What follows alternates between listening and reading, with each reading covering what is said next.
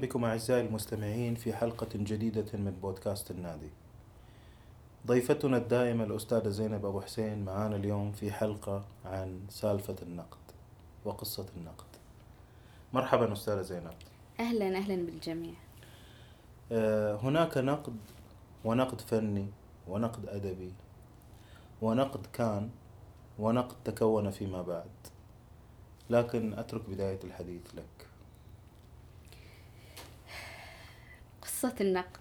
قصة كبيرة طبعا يعني ومعقدة وراح تتشعب و... آه، وراح تختلط أشياء كثيرة. لأن النقد إذا فكرة النقد إن في شيء إحنا راح ننتقده طبعا مو بالمعنى السلبي. ممكن يكون أدب ممكن يكون فن ممكن خلال الحلقة أنا يكون تركيزي أكثر على الفن. لكن بشكل عام في شيء راح نقيمه أو ننتقده. آه هذا الشيء يعني النقد مبني على شيء ثاني وهذا الشيء الثاني لو أخذناه أدب أو أخذناه فن نحتاج إن إحنا نعرفه علشان نبدأ نقدر نطلع عليه نظريات في النقد أو في القراءة أو في التحليل. أساسا الأدب والفن تعريفهم عائم جدا وصعب جدا وصعب حصرهم في شيء معين علشان بعدين يكون في نقد على هذا الشيء يعني ونظريات فيه. على العموم لو رجعنا إلى البدايات بدايات تكون الفن إلى إلى ما وصلنا إليه الآن يعني وبناء عليه تطور النقد معه. آه، في البداية كنا محتاجين إلى شخص يقيم العمل الفني لأن الفن بشكل عام كان جزء من ثروات أصحاب الثروة. لما نجي نتكلم عن كنيسة راح توظف فنان يرسم على سقف الكنيسة مثلا لو أخذنا الفاتيكان كمثال. فلازم يكون في فنان ثقة يقدر يقدروا يثقوا فيه إنه يسلموه هذا المشروع الضخم مثلا. مين الفنان اللي يقدر يعمل لنا هذا الشيء؟ إحنا نحتاج هنا مقيمين. مقيمين جودة العمل. و... و... وناس ثقة يعني إنه يثق فيهم صاحب المال.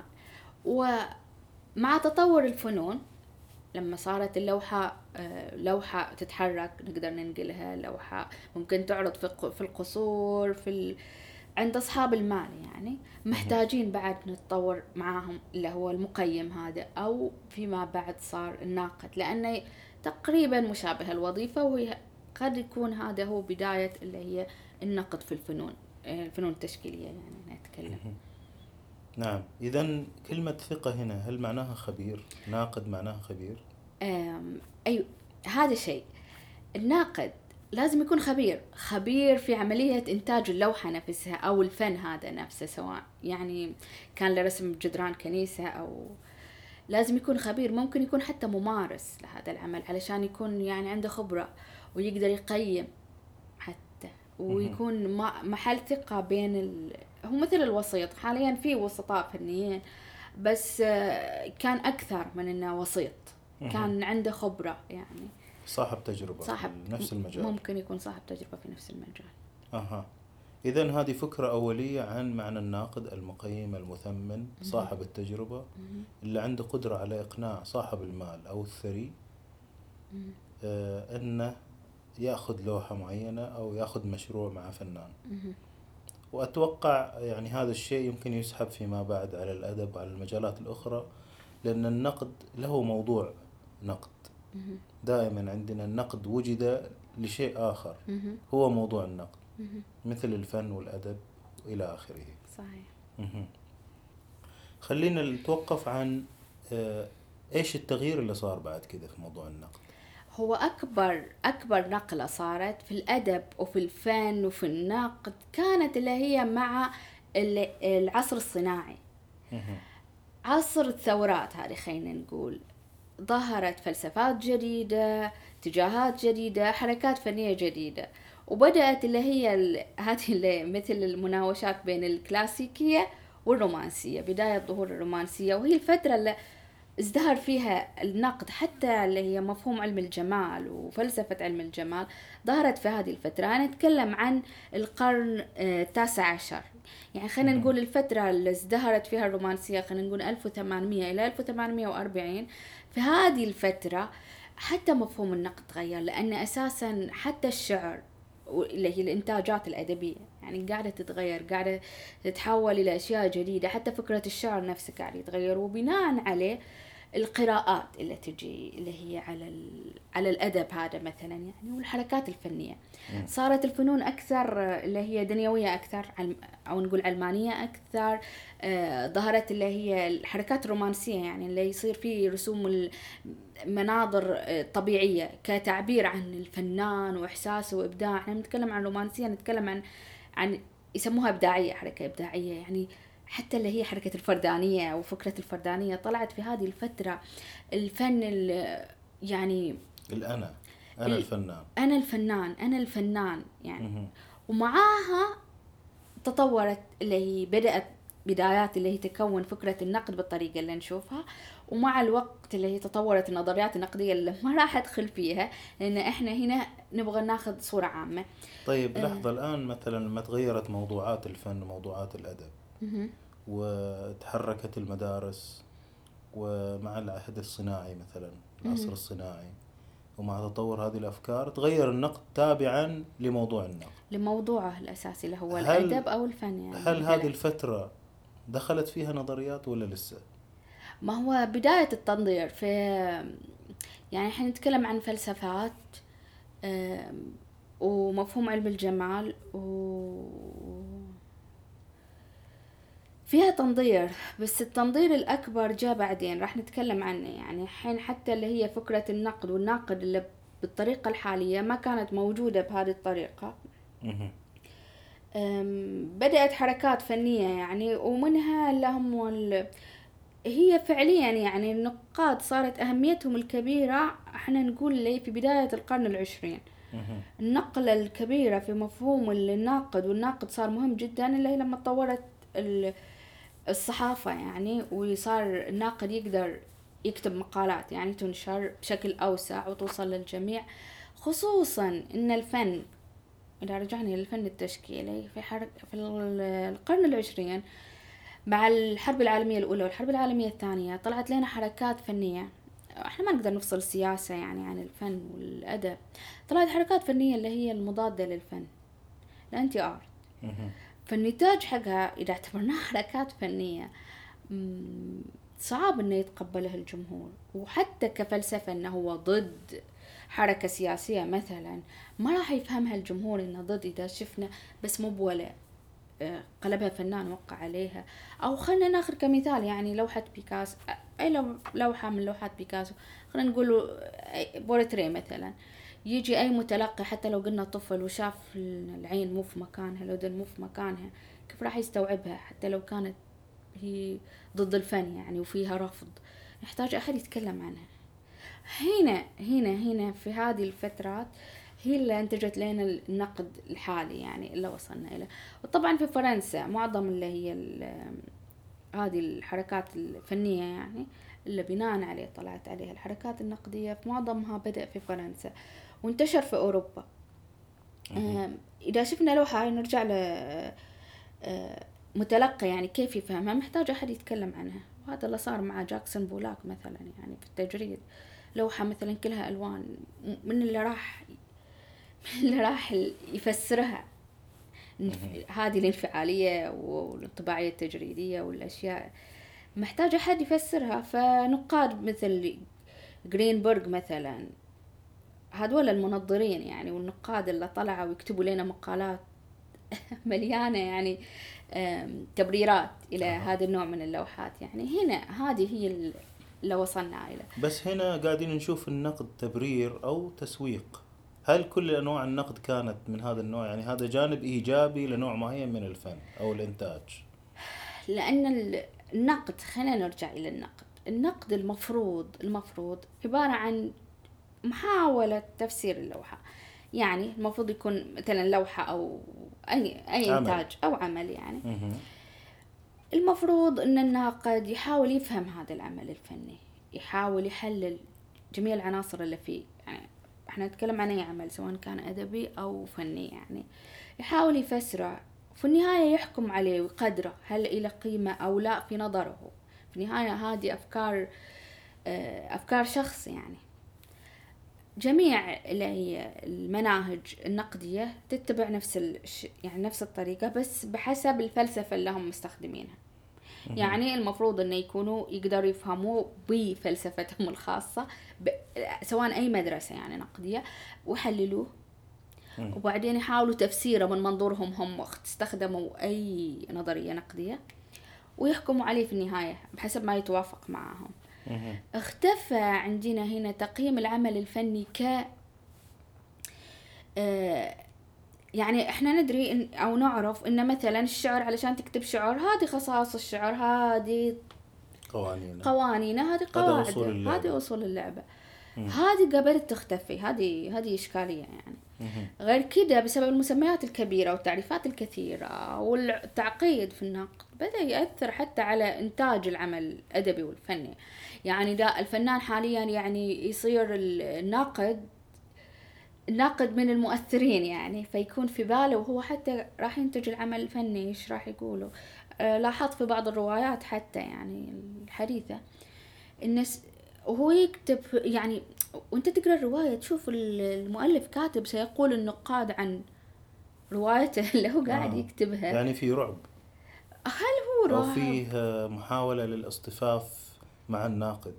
مو الاصطفاف تبرير نفس تبرير نفس للناقد كأن النقد شيء أهم من العمل الفني.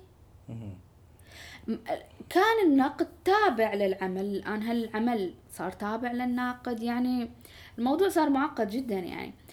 في النهاية النظريات النقدية هذه في ناس خلينا نكون واقعين يعني كل الفلسفات والنقد والعلوم هذه الإنسانية حتى علم الاجتماع يعني خلينا نكون واقعيين.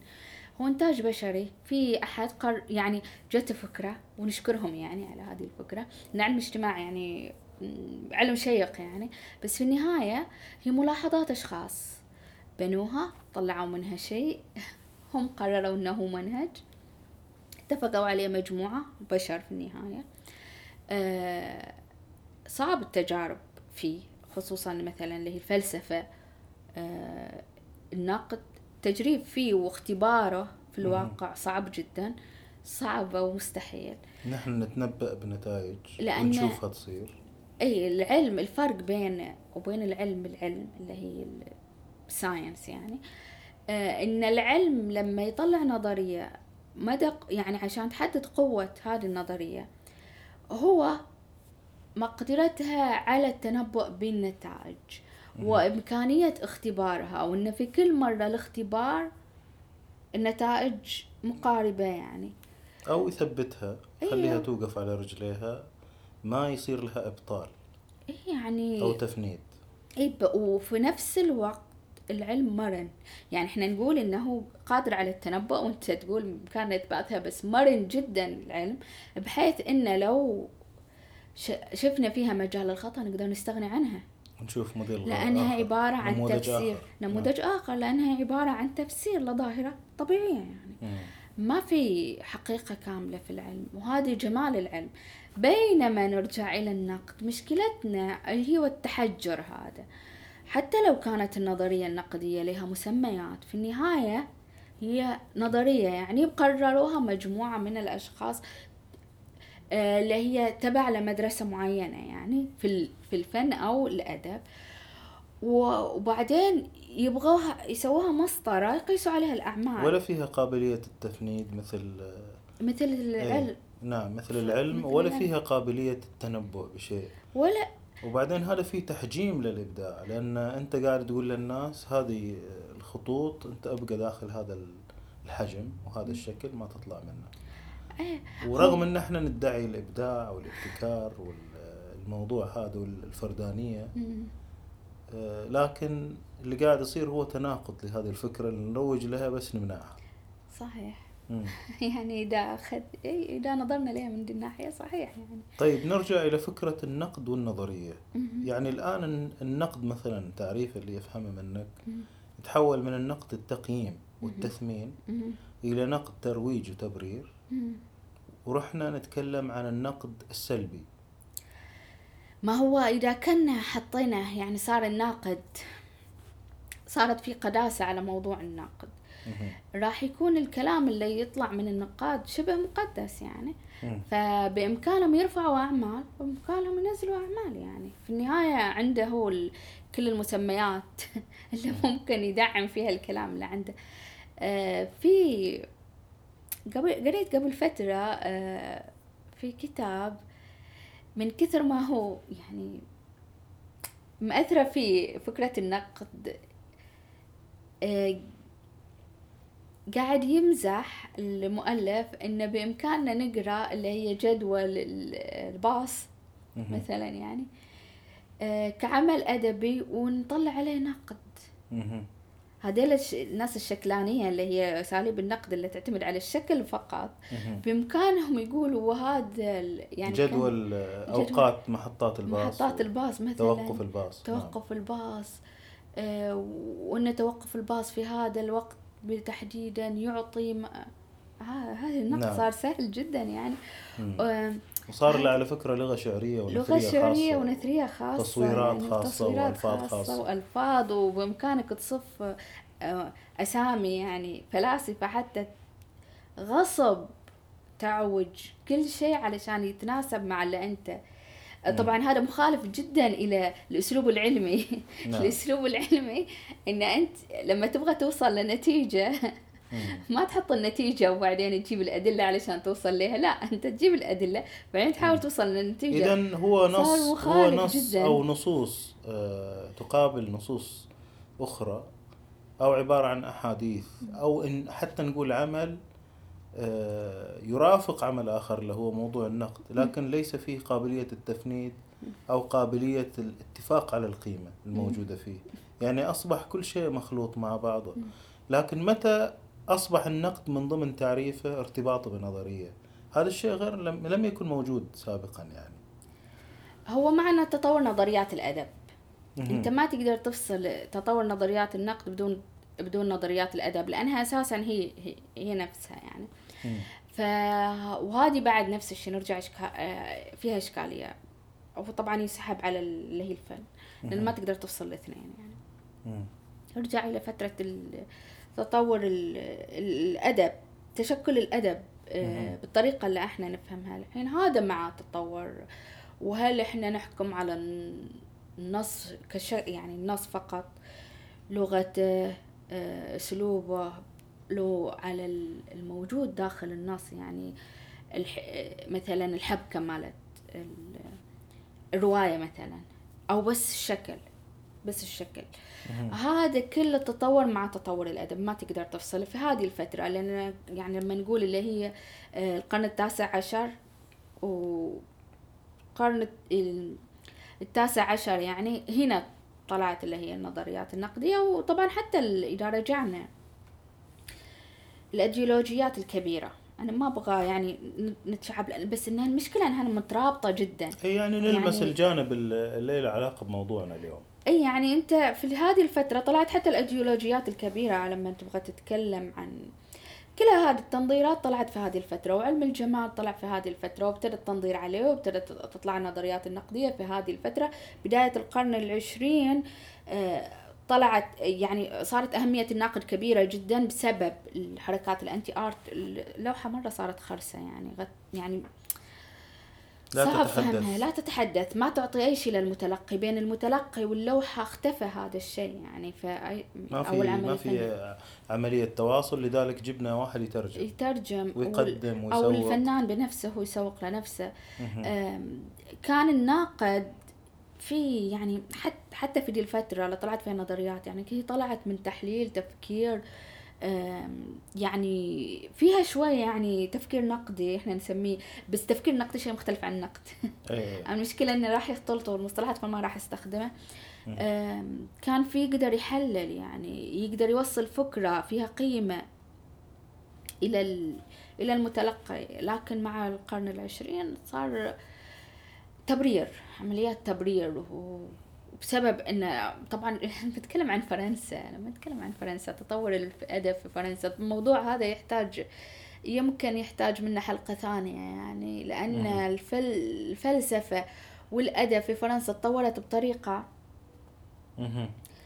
آه، هذه المصطلحات تعريفات كل يوم يعني كل كل كل مجموعة يطلعوا ما أبغى أتكلم عن الموضوع بس يطلعوا مصطلحات وتعريفات جديدة هذه التعريفات لما انت تحطها على أي نص راح تعطيه فخامة. هذه الفخامة تعطي مصداقية. لأنه فعليا لو رجعت إلى هذه التعريفات أنا لأن أنا بقيمهم من طريقة علمية يعني. ما في أي شيء سوليد يعني. ما في أي شيء حقيقي ملموس. أو ملموس أو ملموس بإمكانك نقدر نقيس قيمته. تقدر تقيس قيمته. لأن هذه المصطلحات نفسها أو الأفكار آه، أو المذاهب نقدر نستخدمها مع وضد. ويمكن حتى نفس آه، اللي أمس كان واقف مع العمل الفني الفلاني اليوم يوقف ضد واحد شبيه فيه بس آه، قرر إنه يوقف ضده. تمام؟ وأهم حاجة في قدرة على الإقناع إلى القارئ أو مستقبل النقد.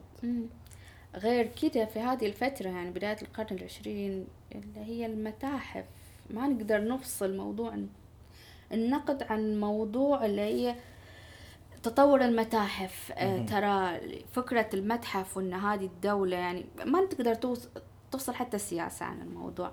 الدولة اللي عندها أهم متحف في العالم.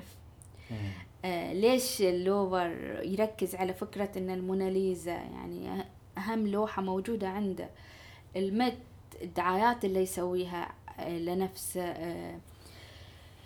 اللي هي ناشونال جاليري في في بريطانيا. هاد يعني كل دولة تبغى تكون عندها أهم متحف ووجود النقاد. طبعا في نقد في في محللين ونقاد حقيقيين. يعني شفنا وحضرنا الأكاديميا وفي فرق شاسع بين ال بين النقد الدارج وبين النقد الأكاديمي لا الخبير. الخبير. اللي, اللي صاحبه. خبير. مجرب. أيه. صاحبه خبير. آه طبعا هي اخت... يعني اختلطت يعني المؤرخ مع الناقد مع راح نتوقف عندها بعد شوية هذه. نعم. فنرجع إلى اللي هي المتاحف لأن ال... في أوروبا مع الحرب العالمية يعني مع الحروب العالمية الأولى والثانية ضاعت أعمال فنية. واسترجاع الأعمال وأعمال صارت في متاحف تانية وكده موجود هذا الناقد محتاجينه بقوة علشان الدعاية للمتحف الفلاني والمتحف الفلاني ومن عندها المتاحف. طبعا أوروبا عندها معظم المفروض يعني أن معظم الأعمال طلعت من أوروبا. بس أمريكا كانت موجودة. ف... وأمريكا لازم يكون عندها يعني كدولة هي حديثة مقارنة بأوروبا فهي محتاجة إلى أن يكون عندها تراكم. تراكم تاريخي للفن يعني فوجود اللوحات هذه وجود نقاد يدعموا بعد حتى الفن اللي جاي يطلع من من أمريكا إيش يعني. دور الناقد مع مع قصص المتاحف يعني مع ظهورها ووقت ظهورها؟ أنت لما تكتب عن الموناليزا وتطلع مقالات وعلى ابتسامة الموناليزا بس وإن الموناليزا هي أهم لوحة لليوناردو لما تضخم آه، ليوناردو دافنشي لما حتى اللي هي نظرة الموناليزا كتب عنها مقالات تطلع في الأفلام بشكل مبطن في كل مكان في حتى في أفلام الكرتون. يعني أنا أذكر وأنا صغيرة دائما تطلع الموناليزا يعني كأهم عمل يعني. وين يعني الناس لما تروح آه، فرنسا أهم شيء يسووه إنه يروحوا متحف اللوفر بيبقى اللوفر أعظم متحف. بس عشان يصوروا مع الموناليزا. ترى هذه يعني شيء شيء كبير جدا. يعني مو بس في النقد قصدي الدعاية إلى الأعمال الفنية يعني. فاللوفر بيبقى بيبقى يعني أكثر متحف آه، أكثر متحف إحنا يعني لما نقول متحف على طول هو أول أول متحف رغم أن القيمة الفنية قد تكون في متاحف قد تكون أصغر في فرنسا أو متاحف أخرى في العالم. فرنسا يعني إحنا تكلمنا عن الفن في فرنسا في متاحف كثيرة يعني تجربة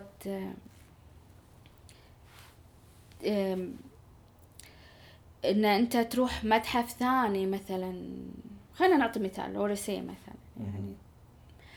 لهيبة مختلفة.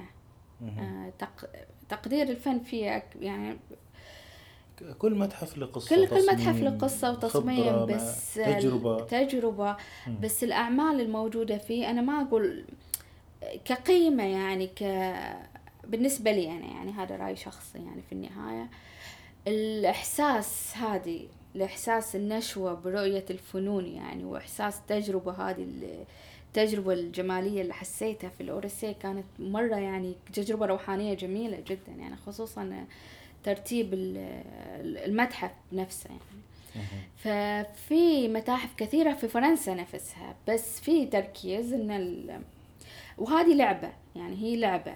هذا اللي قاعد يصير بعد مع المت يعني. تمام. اذا نرجع إلى علاقة النقاد بتأسيس المتاحف. والمتاحف الحديثة يعني مثلا حاجة المتاحف إن مثلا تبحث عن أعمال توضع في هذه المتاحف والترقية من من قيمة هذه الأعمال والتقليل من قيمة أعمال هم محتاجينه بس هذا الشيء مرة جميل جدا يعني م.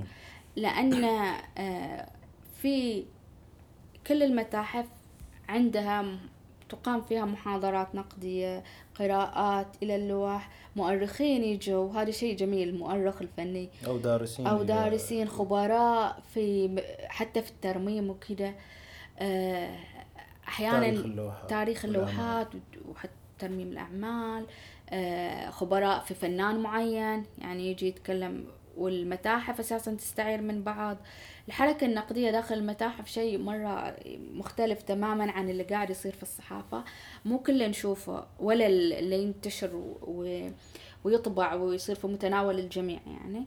آه شيء تجربة مختلفة تماما يعني. النقاد اللي في المتاحف شيء مختلف والمتحف محتاج إلى الناقد آه والمؤرخ والفنان إنه يكون موجود في المتحف لأنه يعطي قيمة للمتاحف. معظم المتاحف يصير عندها مثل السيشن أو الحصص يعني اللي ممكن حتى الجمهور العادي يكون يجي ويستمع إلى خبراء حقيقيين مراجعين حقيقيين مؤرخين حقيقيين أو يكون الفنان موجود دائما في المتحف أو الطالب أو أيوه الهاوي. والهاوي ويعني ويكتسب الفنان حتى خبرات.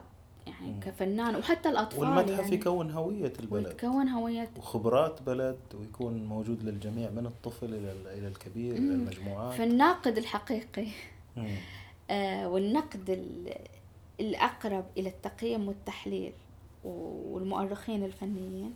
محتاجهم جدا الناقد يعني. وجزء أساسي من محتاجهم المتحف قصدي. وجزء أساسي من تكوين المتحف يعني.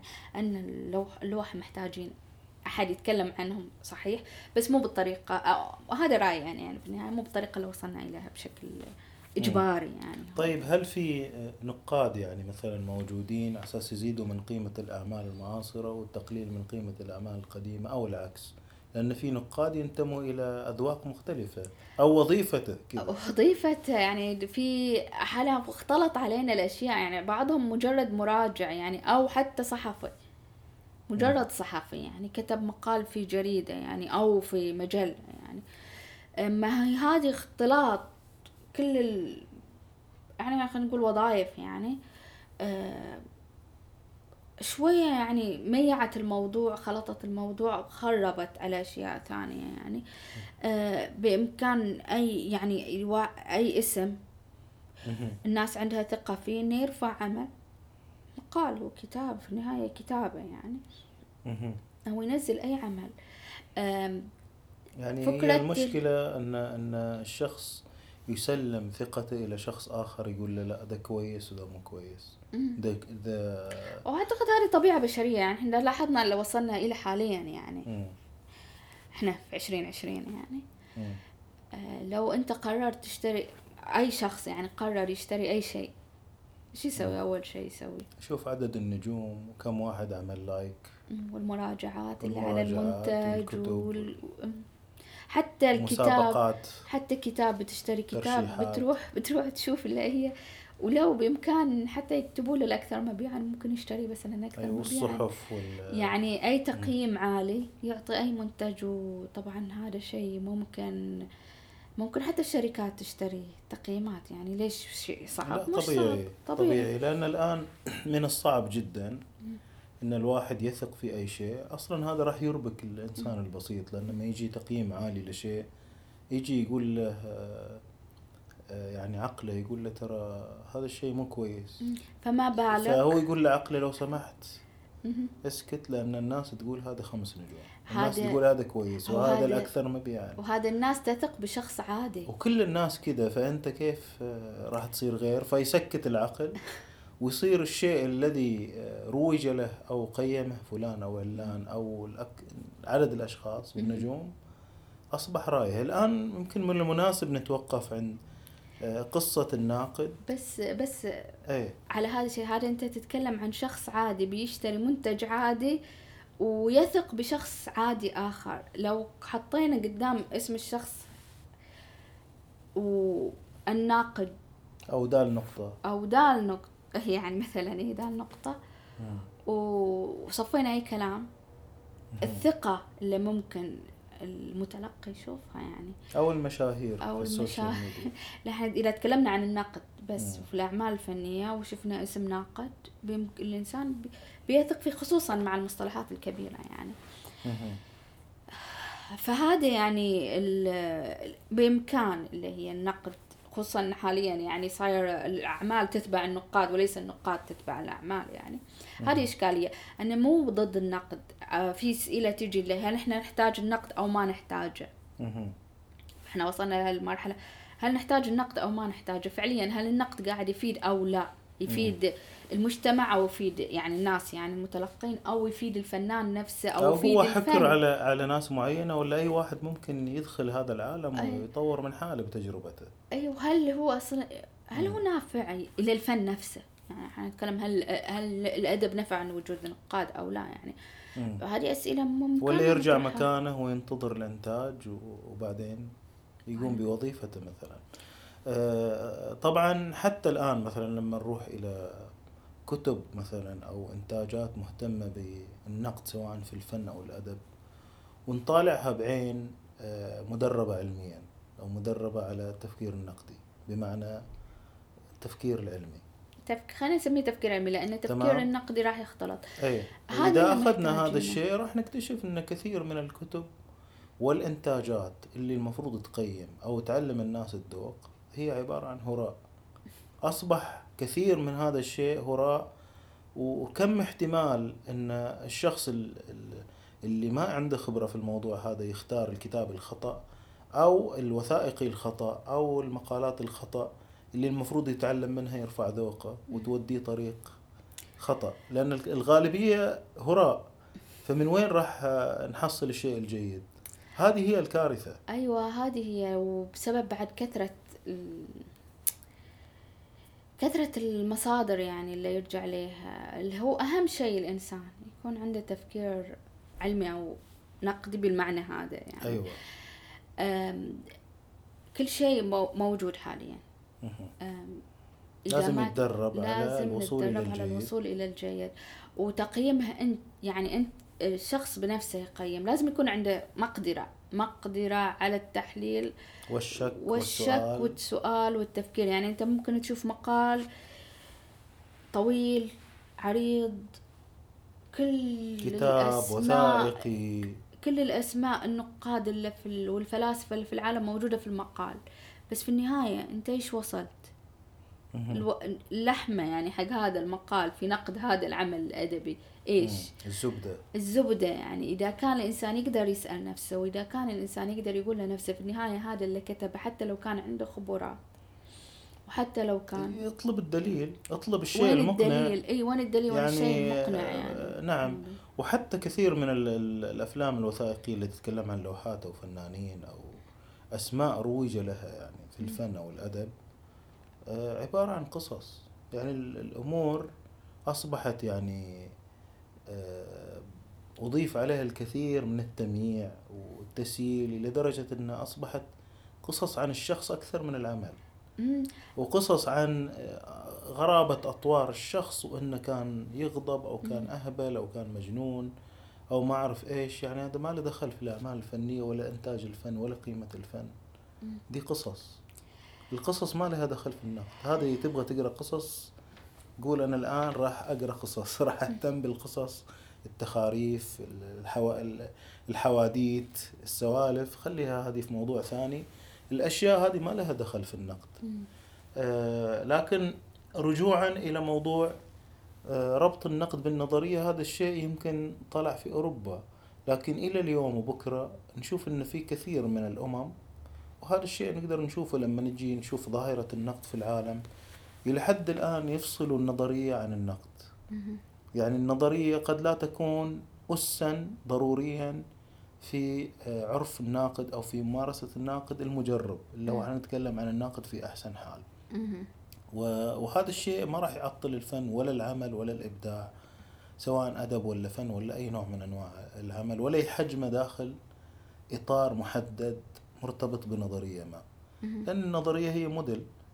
والموديل اخترعه واحد ما في تفنيد ولا في دليل على أنه صح ولا خطأ. شخص يتبناه يمكن يغير رأيه بعد فترة أو يتبناه طول عمره. ويشتغل بناء عليه. أنا أحاول ألخص كلامك يعني. آه لكن إحنا قلنا راح نتوقف عند بعض المسميات مثل الناقد المؤرخ المراجع. والمراجع يمكن تكلمنا عنها شوي في المنتجات.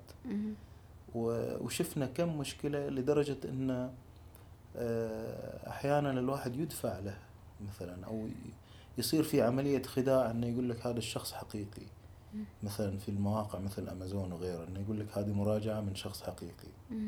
أو يطلع لك في اليوتيوب ناس تروج لمنتجات ويقول لك قسما بالله هذا المنتج ما جاني هدية. مثلا. أيوه أو غير مدفوع. أو أنا ما أروج لحاجة.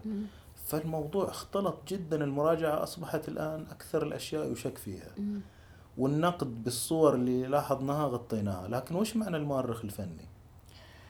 أوكي إذا قلنا الناقد هو الشخص اللي بيفهم العمل الفني ويحلل ويحلل العمل الفني يفسره يحكم عليه. المؤرخ يكون أوسع. ي... هذا اللي يشوفه على حسب سياقه التاريخي يعني. في هذه الفترة يعني هذا الفنان كان في هذه الفترة الفنية آه، الحركة الفنية اللي كان كانت في هذه الفترة هذه السائدة حياته وأثر حياته على الموضوع آه، اللي حواليه وتأثيرهم عليه يعني أوسع الموضوع. بس ما يدخل في صميم العمل نفسه ونقده يعني شوية مختلف عن الناقد. بس المؤرخ هذا آه، هذا نفتقده إحنا عندنا يعني إذا تكلمنا عن عندنا في عالمنا إحنا يعني. خصوصا إنه كثير من الأشياء يعني الفن. كفنون جميلة بالمسمى اللي هي الفاين آرت. حديثة. حديثة. إحنا حديثين آه، دخلت متأخرة عندنا يعني. كان عندنا فنون مختلفة وأدب مختلف. حتى فكرة الرواية يعني. حتى في نقاش شو الرواية مثل يعني كمثال اللوحة المسندية وال والرواية يعني. حديثة عندنا يعني. فالتأريخ هذه بيصير حديث لهذا النوع. لكن الشعر مثلا لا. الشعر شيء ثاني. الشعر نقدر يصير عندنا مؤرخين. أنا أتكلم عن العالم العربي لما جته الأمور هذه مم. مع دخول القرن العشرين. وال... بعد الحركات والعصر الصناعي والحروب والتأسيس المتاحف. أيوة نعم. لأن إحنا بعد يعني هذا الشيء حتى فكرة المتحف حديثة جدا مم. يعني عندنا. آه أنواع من الآداب أو أصناف من الآداب آه زي الرواية مثلا اللي قلنا عنها هذه كلها اللي هي حديثة. فالمؤرخ إحنا محتاجينه يعني. ومحتاجين الخبير اللي عنده مقدرة إنه يطلع لنا إنتاج يتكلم عن خبراته يعني يكتب. آه مو بس مؤرخ فني نحتاج خبير خبراء فنيين بالإضافة إلى النقاد. إذا آه، يعني قد يكون عندنا ناقد خبير. إحنا نبغى الناقد المجرب. ناقد مؤرخ ناقد ومؤرخ. ممكن يكون ناقد خبير مؤرخ ممكن يكون مؤرخ ممكن يكون خبير ممكن يكون ناقد. محتاجين إلى هذا التنوع. لأن إذا ومحتاجين إنه يكون متوفر يعني. نحتاج نحتاج يعني إنه يكون متوفر مو بس نقاد. ولو كان ناقد ممارس مثلا للفن بيكون شيء مختلف عن ناقد غير ممارس. مو لازم هو مو شرط. بس لو كان في بيكون شيء يعني بيكون في إضافة مختلفة لأنه بيكون آه، لمس الشيء. طبعا في يعني ما أقول إنه ما في بس بمعنى بالطريقة اللي أنا في رأيي أنا المفروض يكون النقد. هذا يعني هو أرفع تحت... وأرقى نوع. أي أقرب إلى الواقع. أقرب إلى الواقع أقرب إلى الواقع بدون إحنا ما أقول إن دي النظريات النقدية يعني نروح نقول إنها كلها صح وغلط. ما في صح وغلط في هذا الموضوع هذا اللي لازم نصر عليه.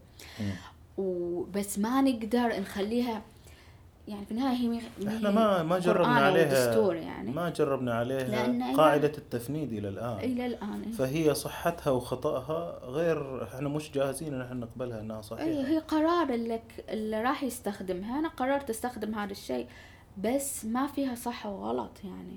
ولا يقدر صعب إن أحد يجي يقول لا أنت ما استخدمت النظرية الفلانية. ليه يستخدمها أصلا؟ طبعا في في نقاد في نقاد كثيرين يعني ما ي... مو لازم يرجع إلى هذه وبالعكس تحليلهم تقييمهم إلى الأعمال سواء فنية وادبيه. أقرب إلى الواقع إلى المتلقي. أنا أذكر آه، تعليق إلى مارون عبود في يعني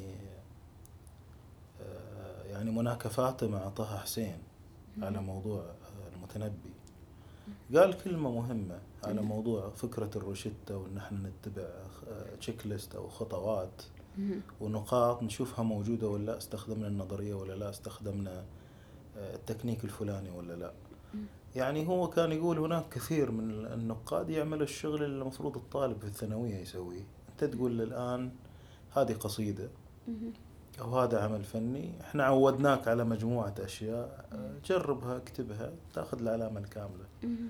فهذا الشغل مارون عبود يعتبره ليس بنقد وليس بكتابة خبير. هذا خليه حق تدريب طلاب في المدرسة. مهم. آه، في نفس الوقت آه، إحنا عندنا تجارب نقدية قديمة في العالم العربي وبعضها مشرف يعني. يعني مثلا في الأدب مثلا. آه، كتاب ابن رشيق القيرواني. وبعدين مثلا كتاب المثل السائر في أدب الكاتب والشاعر لابن الأثير يعني لغة عظيمة تجربة عظيمة والرجال شايف اللي قبله ويحقق في الأفكار وبعدين يجيب أفكار الشخصية مم. النقد و- موجود في معظم الحضارات بطرق وصلنا مختلفة. درجة غاية في التقدم مثلا مم. في موضوع الشعر يمكن ال- الرواية بعدين مم. دخلنا في حي صبيص يعني في أشياء جيدة وأشياء كارثية صارت في الرواية من ناحية النقد ومن ناحية من ناحية الكتابة ومسموح طبعا كل واحد يجرب يكتب مم. مم. هو الإشكالية في هذه ال- طبعا النقد موجود عن- يعني مو بس يعني مشكلة أن فكرة النقد هذه والنظريات الأدبية ازدهرت في أوروبا وانتشرت في العالم وقاعدين نقيم نفسنا بمقياسهم وميزانهم يعني ميزان أوروبي يعني مم. آه، بينما كان كل الحضارات عندهم مقيمين أو نقاد أو ذوق أو ذوقهم الخاص نقدهم الفن في الخاص الأدب في الأدب. لأن هذا فنهم هذا أدبهم ذوقهم الخاص طريقة فهمهم لفنهم ومواضيعهم تقبلهم إلى لغتهم. قوالبهم تلقيهم إلى الموضوع مختلفة تماما عن أوروبا هنا الإشكالية لما جت الفنون الجديدة تعتبر طبعا الحكي أو القص موجود عندنا. بس مثلا إحنا تكلمنا عن الرواية. بس اللي هي الرواية بالتعريف الأوروبي أو التعريف كقالب إيه، أو ك- صيغة جتنا متأخرة وجت معاها نظرياتها. مم. هنا في إشكاليات كثيرة يعني. هم في النهاية آه، نظرياتهم الأدبية والفنية جت من طريق تراكم. تراكم تاريخي سياسي الحركات الفنية مع الحرك مع كل الظروف. هي اللي عند عطتنا هذه المنتجات اللي عندها مم. بالطريقة هم اللي يشوفوها يعني هم فهمهم إلى هذا الشيء هذه بسبب هذه. بسبب يعني التراكم زي ما قلت فطريقة تفسيرهم للعمل أو تقبلهم للعمل راح تكون بسبب الع- العوامل اللي, كونتهم. لكن إحنا شيء ثاني مجتمع ثاني إحنا يعني ال- تاريخيا يعني هذا اللي صنعنا العوامل اللي كونتنا إحنا بهذه الطريقة شيء مختلف تماما عنهم لغتنا ولهجاتنا غير اللغة صورنا. غير اللغة والتصوير التصوير. يعني التصوير حتى اللي هي الجمال المعاني. والمعاني مختلفة تماما. هنا الإشكالية لما أنت تبغى تجيب تبغى تجيب شيء مستورد ونحاول نطبقه على شيء ونخليه محلي. هو مو مو, مستحيل ممكن مم. أشياء كثيرة يعني. يعني حتى النظرية مثلا لا ناخذها مثلا الأشياء المرتبطة مثلا بالقواعد بالعروض بجماليات اللغة ألفاظها معانيها ظلال المعاني. يمكن ما تصلح لكن يمكن تصلح في أشياء ثانية. ممكن تصاب في أشياء نستخدمها ثانية. في الجانب الآخر القالب أخذناه واستخدمناه. نفس الشيء يصلح وما يصلح في النهاية نظرية وموديل. مم. أجين يعني إيه، هذه. قابلية التفنيد وقدرتها على التنبؤ قدرتها على إضافة الفائدة مم. لكن مثل نظريات الموسيقى مثل نظريات الفن لما يجي واحد إلى موسيقى غير سلمية مم. مثلا وموسيقى ليس فيها سلم معدل وفيها أفكار أخرى تشتغل فيها نقول لا يا متخلفين لازم تستخدموا النظرية الموسيقية الأوروبية حتى أوروبا فيها أنواع أخرى من الموسيقى يا. شباب تمام؟ ما هذه مشكلتنا. نفس الكارثة. استخدام مشكلة. مثلا الجرامر الإنجليزي أو الفرنسي أو اليوناني وتطبيقه إجباريا على اللغة العربية ونحوها. آه، راح تطولوا في الموضوع ما راح تخلصوا إيه تمام؟ فحاولوا بدل ما يعني لي يد النحو الفرنسي المسكين أو الإنجليزي اخترعوا نحو خاص فينا. أو استخدموا الموجود طوروه.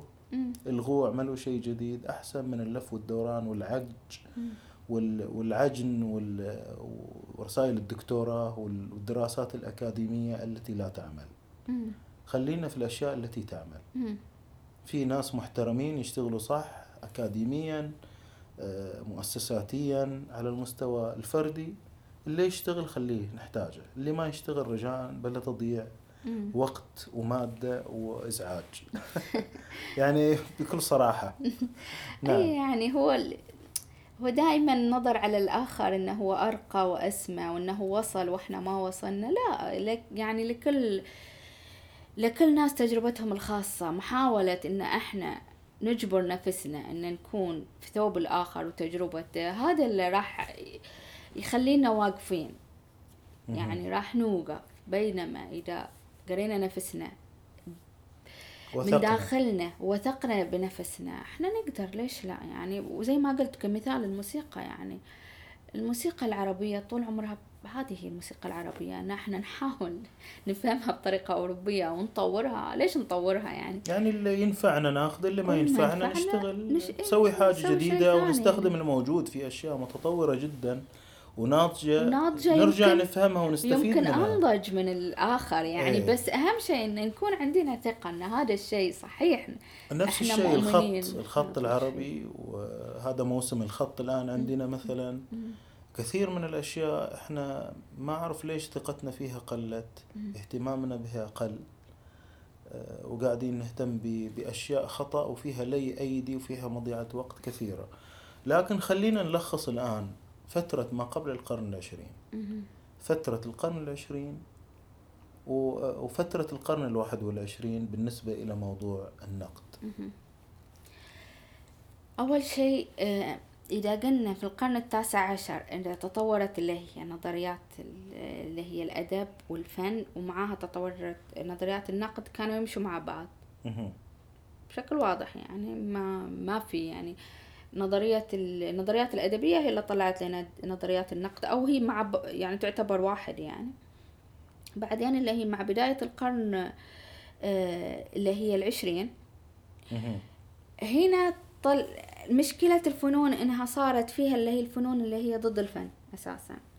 فالفن شيء والنقد شيء ثاني يعني هو يكتب شيء وهم يقولوا شيء اللي حسن ما تقول شيء فهم مو مع بعض. ما صارت مع بعض. إلى حد ما وصلنا إليه. الحين مع بداية القرن الواحد وعشرين ممكن النقد شيء والفن في شيء. وهذا الشيء مو مؤثر بس عندنا ترى. يعني نتكلم عن الفنون أو النقد بس في. في عالمنا العربي بشكل عام. لأن حتى اللي هي على مستوى الفنون الكل يشتكي من هذه اللي هي من هذه الظاهرة. يعني إن النقد في اتجاه والفن في اتجاه وال والنقد هو اللي يأثر على الفن وليس الفن إيه، يؤثر على اللي هي النقد أصبح دخلنا في الموضة ودخلنا مم. في الابتكار والإبداع. وضيعنا في تسليع تسليع والتسليع و- وتجارة تجارة كبيرة جدا والأكثر آه. مبيعا والأكثر شهرة و... مم. مم. و يعني فكرة حتى الصالونات المتاحف هذه اختفت آه، يعني أصلا حتى الفن الآن آه، يعني آه، جاه تهديدات كثيرة من الكاميرا من الطباعة من آه، اهتمامات الناس بأشياء أخرى كثيرة في آخر مثلا عشر سنين. إيه يعني إحنا لما نتكلم عن حتى وصول الفنان إلى المتلقي يعني. الحين ما نحتاج ناقد نحتاج اللي هي إعجاب في ال... في الانستغرام يعني. ممكن تشوف فنانين كبار ما حد يعرفهم يعني. فن لأن لسه الفن ال... لسه الفن الراقي موجود بس وصوله إلى الناس. بينما ممكن تشوف أشياء ما ما أنا يعني مو من حقي أقيمها يعني. بس في أشياء ما تستحق الشهرة بس آه، في النهاية يعني أعداد المشاهدات أعداد الع- يعني عد الإعجاب هذه. بس الناس المهتمة بال- بالفنون والآداب الحقيقية يعني يظل دائما يعني الشخص المهتم مش كل الناس لازم تكون في شيء من النخبوية شيء من الشخص المعتد بنفسه المهتم هذه بنفسه. إذا رجعنا إلى القرن اللي هي التاسع عشر الحركة الكلاسيكية والحركة الرومانسية. كان من ضمن الاختلافات بينهم هم اللي نشأوا لنا هذه الفلسفات الجديدة. هل الفن وال... والأدب إلى النخبة أو إلى العامة؟ الرومانسية كانت تشوف أن المفروض يوصل للجميع. والكلاسيكية تشوف أنه للنخبة. وهذا إلى الآن إلى الآن إلى الآن الناس مختلفة فيه. على العموم لو رجعنا إلى هذا الوقت نفسه أن الرومانسية من الس... ما راح ينتشر شيء إذا ما كان في دعم. مم. والآن في تحدي الوصول يعني إذا الميديا مثلا والأشياء المدفوعة حت- توصل إلى الناس راح تاخذ الناس. ويظلوا الناس المهتمين بأنفسهم اللي يقرر يقول لا أنا أحب هذا. هم ال- القلة أو الناس اللي يدربوا حالهم على الاختيار. على الاختيار. مو على الانصياع. واحيانا يكون المسمى إنه هو هو المختلف بينما فعليا يعني اللي هي هذه فكره الفردانية مثلا والاختلاف ان أنا مختلف وكذا. بينما فعليا كل هذول الفردانيين هي عبارة عن نسخ من بعض.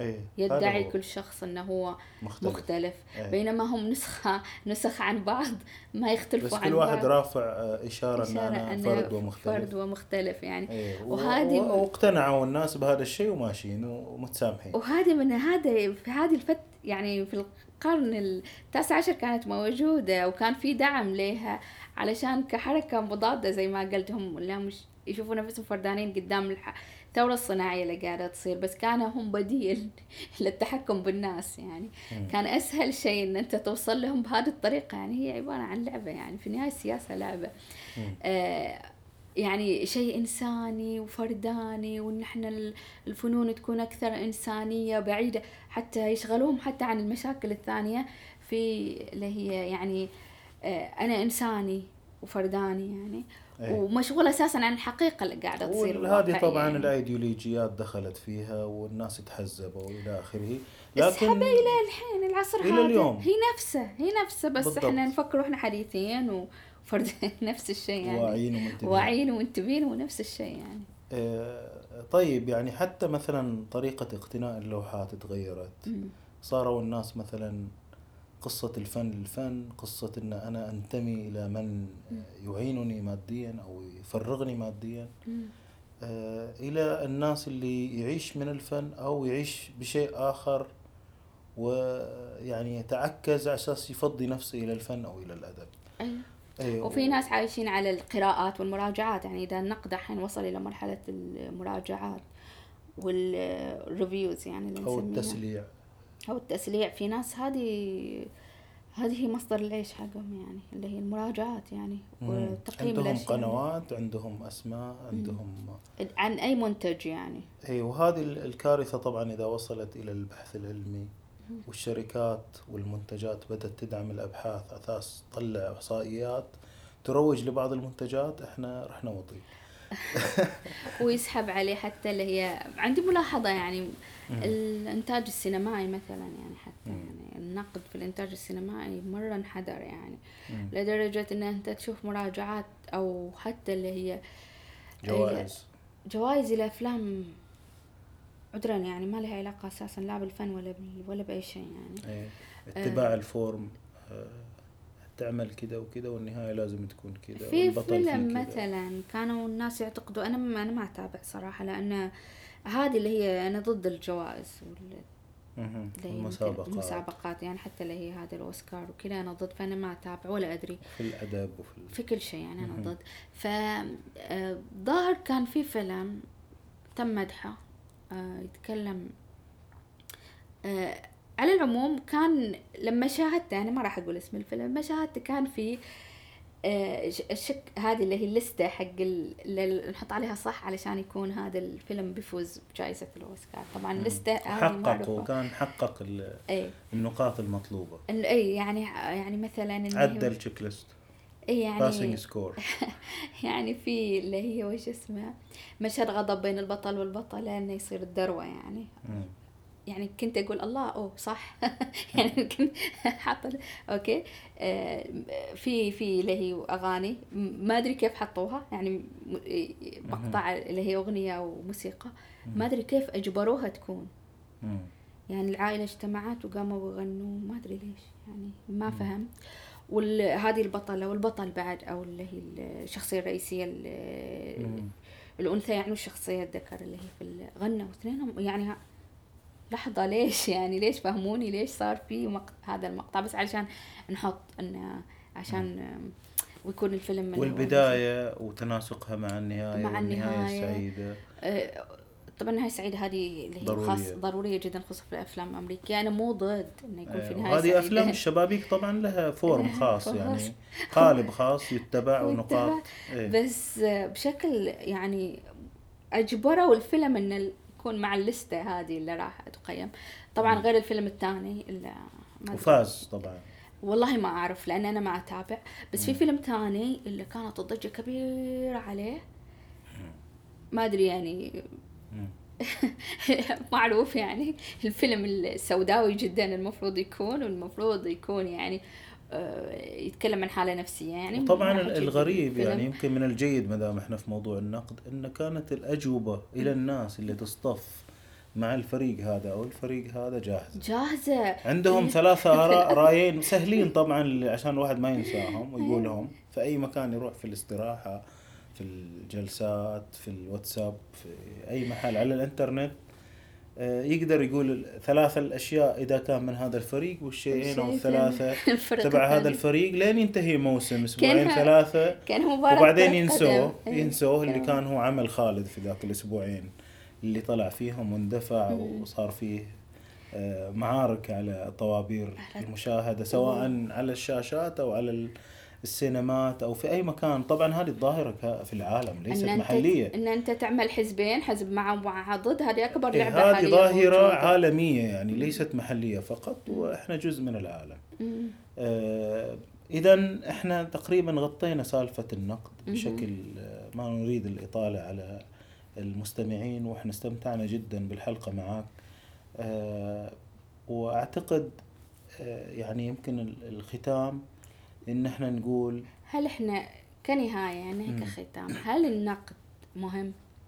نرجع يعني مع ال يعني اللي إحنا وصلنا يعني الحين إحنا عشرين عشرين هل النقد لازلنا نحتاج نقاد أو لا هل النقد مهم آه، ما راح بما أن في إنتاج. في إنتاج أدبي وفي إنتاج فني. محتاجين المقيمين أو النقاد بالمعنى النقاد يعني. آه اللي هي زي ما قلت أنت يعني. الناقد الحقيقي محتاجينه محتاجين نقرأ عن ال- الأعمال. عن الأعمال الأدبية الجميلة عن اللوحات الجميلة. يعني ما في أجمل من لما أنت تكون تقرأ قراءة جميلة إلى عمل آه، تحضر محاضرة جميلة في متحف عن من عمل خبير معين وممارس. من خبير وممارس. هذه أرق من أرقى فإذا التجارب أنا كنت واحد متذوق أو كنت أنا فنان أو كنت أديب راح تنفعني كثير. راح تنفعني كثير راح تفتح لي مجال كبير كبير يعني أبواب جديدة. بالنسبة لي كفنان راح تطورني راح تطور الفنون. لكن هذا إحنا نتكلم عن الحالة المثالية للناقد المثالي اللي كان يقرأ العمل الفني يحلل العمل الفني يحاول تفسيره بس بطريقة منطقية. آه أنا أقول يعني هو في النهاية بشر راح يحط انطباعاته أكيد. بس بطريقة حيادية يعني ومقنعه مقنعة. ونزيهة يعني نزيهة جدا يعني.